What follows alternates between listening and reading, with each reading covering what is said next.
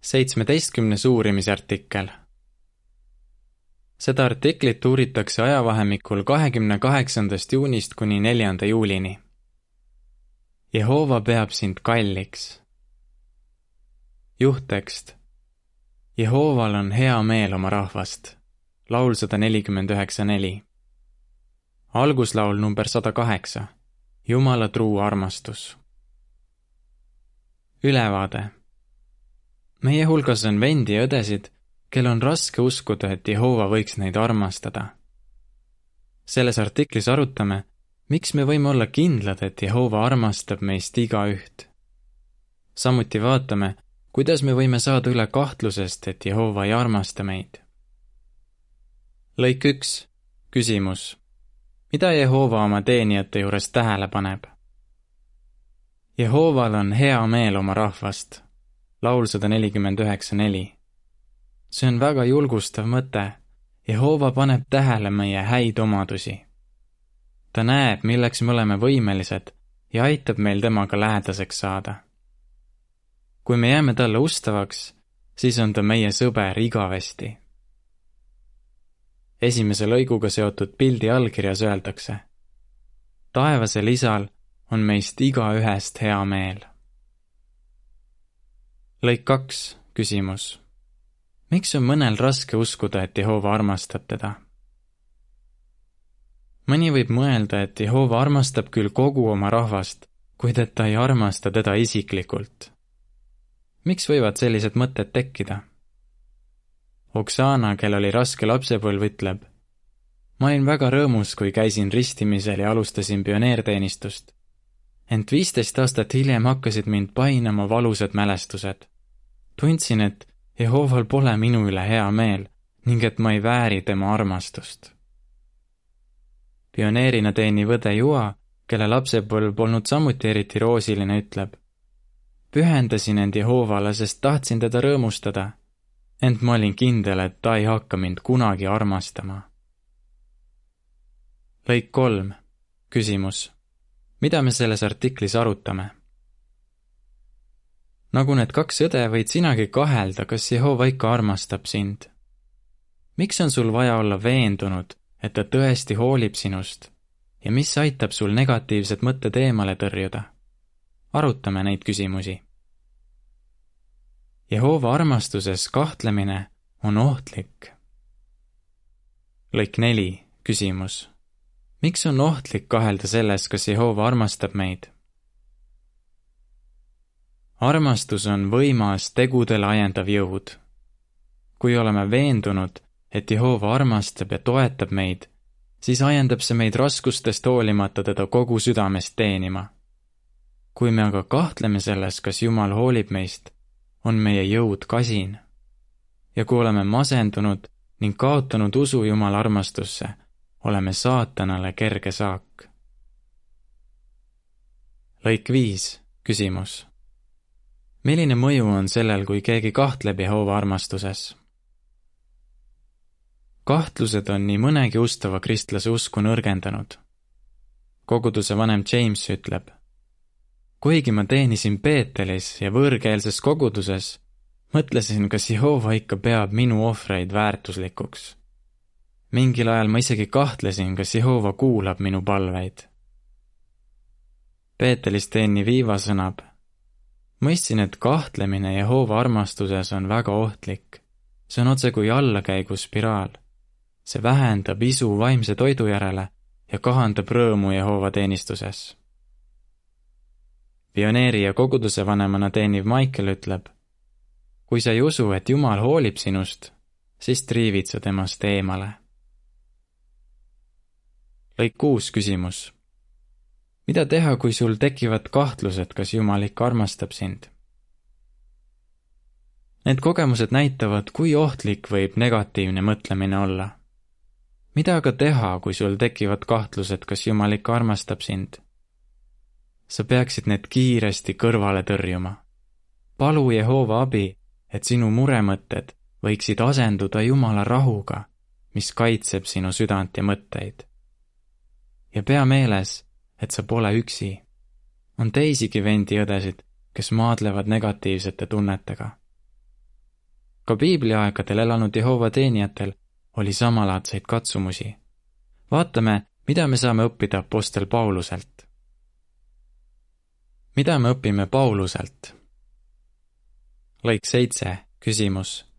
milliseid probleeme oli Paulusel? Kas sina tunned vahel, et sul on nii palju kohustusi, et ei suuda nende kõigiga toime tulla? kui nii, siis võib sulle olla abiks mõtlemine Pauluse elukäigule. teda rõhus mure mitte üksnes ühe, vaid kõigi koguduste pärast. kas sul on mõni krooniline terviseprobleem, mis röövib sinult rõõmu? Paulusel oli ihu sisse pandud oga, milleks võis olla mõni terviseprobleem ja millest ta soovis väga vabaneda. Teine Korintlastele kaksteist, seitse kuni kümme kas sind masendab sinu ebatäius? nii oli see vahel Paulusega. ta ütles, et ta on armetu inimene, sest ta pidi pidevalt oma ebatäiusega võitlema.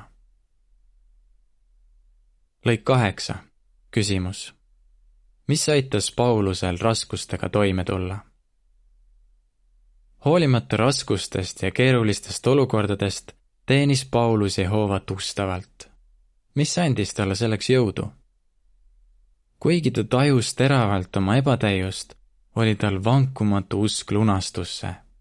ta teadis hästi Jeesuse tõotust, et igaüks, kes temasse usub, saab igavese elu. Paulus kahtlemata uskus lunastusse. ta oli veendunud, et Jehova on valmis andestama ka neile, kes teevad ränga patu, kuid siis tehtud kahetsevad. Lõik üheksa, küsimus mida me õpime Pauluse sõnadest tekstis Galaatlastele kaks kakskümmend? Paulus uskus, et Jumal armastab teda väga, sest ta teadis, et Jumal oli lasknud Jeesusel tema eest surra. tekstis Galaatlastele kaks kakskümmend ta ütleb. ma olen löödud postile koos Kristusega, enam ei ela mitte mina, vaid minus elab Kristus. tõesti, elu, mida ma elan praegu inimkehas, elan ma usus Jumala pojasse kes armastusest minu vastu andis end minu eest. Paulus ütles, ma elan usus Jumala pojasse, kes armastusest minu vastu andis end minu eest. Paulus ei seadnud Jumala armastusele mingeid piire ega mõelnud, et Jumal armastab küll tema vendi, kuid vaevalt teda ennast. ta kirjutas roomlastele, Kristus suri meie eest, kui me olime veel patustajad roomlastele viis kaheksa. tõepoolest, Jumala armastusel pole mingeid piire. lõik kümme, küsimus. mida me õpime Pauluse sõnadest tekstis roomlastele kaheksa, kolmkümmend kaheksa, kolmkümmend üheksa? roomlastele kaheksa, kolmkümmend kaheksa, kolmkümmend üheksa ütleb. ma olen veendunud, et ei surm ega elu, ei inglid ega valitsused ei käesolev ega tulev, ei väed, ei kõrgus ega sügavus ega mis tahes muu loodu suuda meid lahutada Jumala armastusest, mis avaldub meie isanda Kristus Jeesuse kaudu. Paulus mõistis, et Jehova armastus on väga tugev. ta kirjutas, et mitte miski ei suuda meid lahutada Jumala armastusest. Paulus teadis, kui kannatlikult oli Jehova tegelenud Iisraeli rahvaga samuti mäletas ta, kui halastav oli Jehova olnud tema enda vastu. Paulus võis mõelda, et kuna Jehova saatis omaenda poja tema eest surema, siis pole tal mingit alust kahelda Jehova armastusest tema vastu. lõik üksteist, küsimus. miks oli Paulus kindel, et Jumal armastab teda, kuigi ta oli teinud ränki patte? Tekstis esimene Timoteusele üks, kaksteist kuni viisteist ütleb Paulus. ma olen tänulik meie isandale Kristus Jeesusele, kes on andnud mulle jõudu, selle eest, et ta pidas mind usaldusväärseks ja andis mulle ülesande oma teenistuses. olgugi, et ma varem olin teotaja, tagakiusaja ja jultunud mees. kuid minu peale on halastatud, sest ma tegutsesin tollal teadmatuses ja mul puudus usk aga ma olen saanud ülirohkelt meie isanda armu koos usu ja Kristus Jeesuse armastusega. tõesed ja täiesti usaldusväärsed on need sõnad. Kristus Jeesus tuli maailma päästma patuseid ja mina olen nende seast suurim. ilmselt piinas Paulust vahel see, mida ta minevikus oli teinud. ta nimetas ennast suurimaks patustajaks ja pole ka ime. enne kui ta hakkas Kristust järgima, oli ta kristlasi taga kiusanud ühes linnas teise järel. ta oli palju kristlasi vangi pannud ja andnud oma hääle nende hukkamisotsusele. kujuta ette, mida ta võis tunda, kui kohtas mõnd noort kristlast, kelle vanemad ta oli lasknud hukata. Paulus kahetses oma vigu, kuid ta teadis, et ei saa oma minevikku muuta. ta uskus, et Kristus oli tema eest surnud ja kirjutas veendunult. Jumala armu tõttu olen ma see, kes ma olen. esimene Korintlastele viisteist kümme mida me sellest õpime? sul on vaja jõuda veendumusele, et Kristus suri sinu eest ja rajas tee selleks, et sa võiksid luua Jehovaga lähedased suhted. Jumalale on tähtis see, mida me teeme praegu ja tulevikus. ta ei keskendu vigadele, mida me tegime minevikus, ükskõik, kas me olime siis Jehova teenijad või mitte. järgneb üheteistkümnenda lõiguga seotud pildi selgitus Paulus oli varem palju kristlasi vangi pannud. kui ta mõistis, mida Jeesus on tema heaks teinud, tegi ta oma elus kannapöörde. nüüd julgustas ta kristlasi, kellest mõned olid nende sugulased, keda ta oli taga kiusanud. pildi allkirjas öeldakse. Jumalale on tähtis see, mida me teeme praegu ja tulevikus, mitte meie minevikus tehtud vead. lõik kaksteist küsimus. kuidas aitab meid tekst esimene Johannese kolm üheksateist kakskümmend, kui tunneme end väärtusetuna? esimene Johannese kolm üheksateist kakskümmend ütleb. nõnda tehes me teame, et oleme tõe poolel ja me võime veenda oma südant, et oleme Jumalale meelepärased. kuigi meie süda võib meid milleski hukka mõista, tunneb Jumal meid. allmärkuse järgi meie südant paremini kui me ise ning ta teab kõike. kui mõtled sellele, et Jeesus suri sinu pattude eest, võid tunda, et sa pole seda väärt. miks võivad sellised tunded tekkida? meie ebatäiuslik süda võib meid petta, et me ei vääri Jumala armastust. sellisel juhul on meil vaja hoida meeles, et Jumal tunneb meie südant paremini kui me ise kuigi meid võivad vaevata negatiivsed tunded, armastab meie taevane isa meid väga ja on valmis meile andestama. meil on vaja selles veenduda. selleks on meil tarvis uurida korrapäraselt Jumala sõna, palvetada ning seltsida ustavate Jehova teenijatega. Miks on see nii tähtis? piibli uurimine, palvetamine ja ustavad sõbrad. lõik kolmteist, küsimus kuidas piibli uurimine meid aitab? loe Jumala sõna iga päev ja mõtiskle selle üle. nii õpid järjest paremini tundma Jehova suurepäraseid omadusi. samuti mõistad, kui väga ta sind armastab. Igapäevane piibli mõtete üle mõtisklemine aitab sul näha asju õiges valguses. sead oma mõistuses ja südames asjad korda koguduse vanem Kevin, kes maadles madala enesehinnanguga, sõnab. laulu sada kolm lugemine ja selle üle mõtisklemine aitas mul oma mõtlemist korrigeerida ja mõista, mida Jehova minust tegelikult arvab. varem mainitud Iiva ütleb, mõtisklen iga päeva lõpus Jehova mõtete üle. see annab mulle südamerahu ja tugevdab minu usku. järgneb lisa kuidas Jumala sõna neid aitab?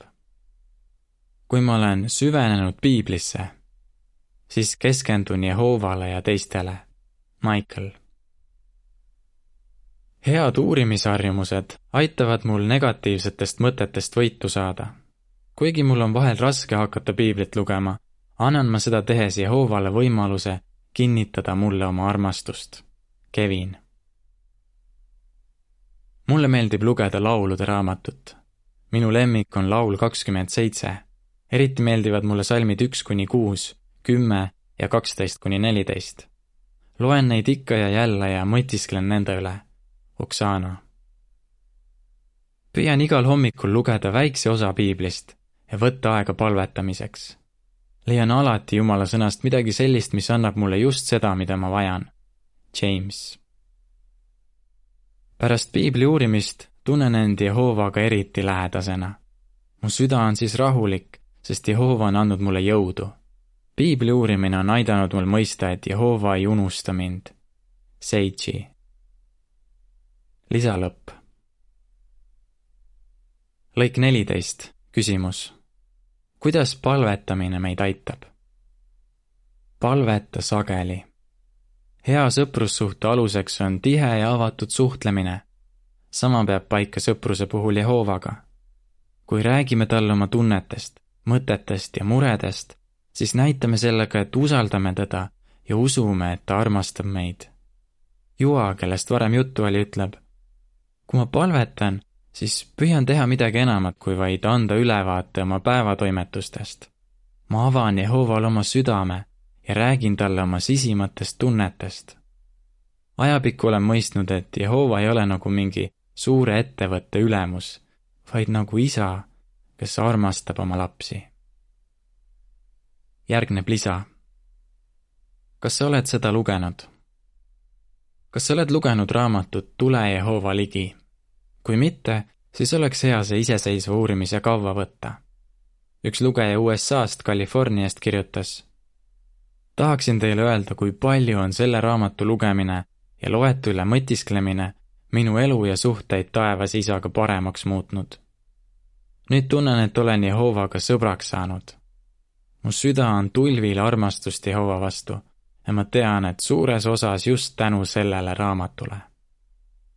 lisa lõpp. Lõik viisteist, küsimus. kuidas on Jehova väljendanud oma hoolivust meie vastu?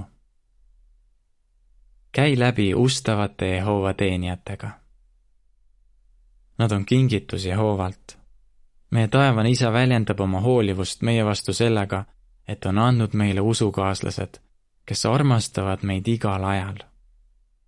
kirjas kolosslastele mainis Paulus mõningaid kristlasi, kes olid teda toetanud ja ütles, et nad on talle suureks toeks ja abiks.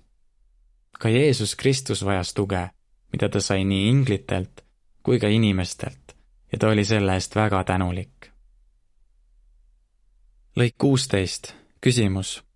kuidas aitavad tublid usukaaslased sul Jehovaga lähedasemaks saada? kas sa otsid abi küpsetelt usukaaslastelt? oma murede jagamine nendega pole märk nõrkusest. See võib sind kaitsta. varem tsiteeritud James ütleb, sõprus küpsete kristlastega on mulle kui päästenöör. kui negatiivsed mõtted kipuvad minu üle võimust võtma, kuulavad sõbrad mind kannatlikult ja väljendavad minu vastu oma armastust. tänu nendele ma tunnen, et Jehova armastab mind ja hoolib minust. on väga tähtis, et meil oleks koguduses häid sõpru. Jehova armastab sind. Lõigud seitseteist ja kaheksateist. küsimus. keda me peaksime kuulama ja miks? saatan soovib, et me annaksime alla võitluses teha seda, mis on õige ta tahab, et me usuksime, et Jehova ei armasta meid ja et me pole piisavalt head, et meid päästa. ent nagu me oleme näinud, on see kaugel tõest. Jehova armastab sind, sa oled talle kallis ja kui sa talle kuuletud, armastab ta sind igavesti, nagu ta armastab ka Jeesust. nii et ära kuula saatanat ega oma südant, mis sind hukka mõistab. kuula parem Jehovat kes näeb meis igaühes head. ole kindel, et tal on hea meel oma rahvast ja ka sinust. kuidas sa vastaksid? miks meil tuleb saada üle kahtlustest, kas Jehova armastab meid? Mida me õpime Pauluselt ja nüüdisaja Jehova teenijatelt? kuidas aitavad meid piibli uurimine, palvetamine ja ustavad Jehova teenijad? lõpulaul number sada nelikümmend üks, Elu ime. artikli lõpp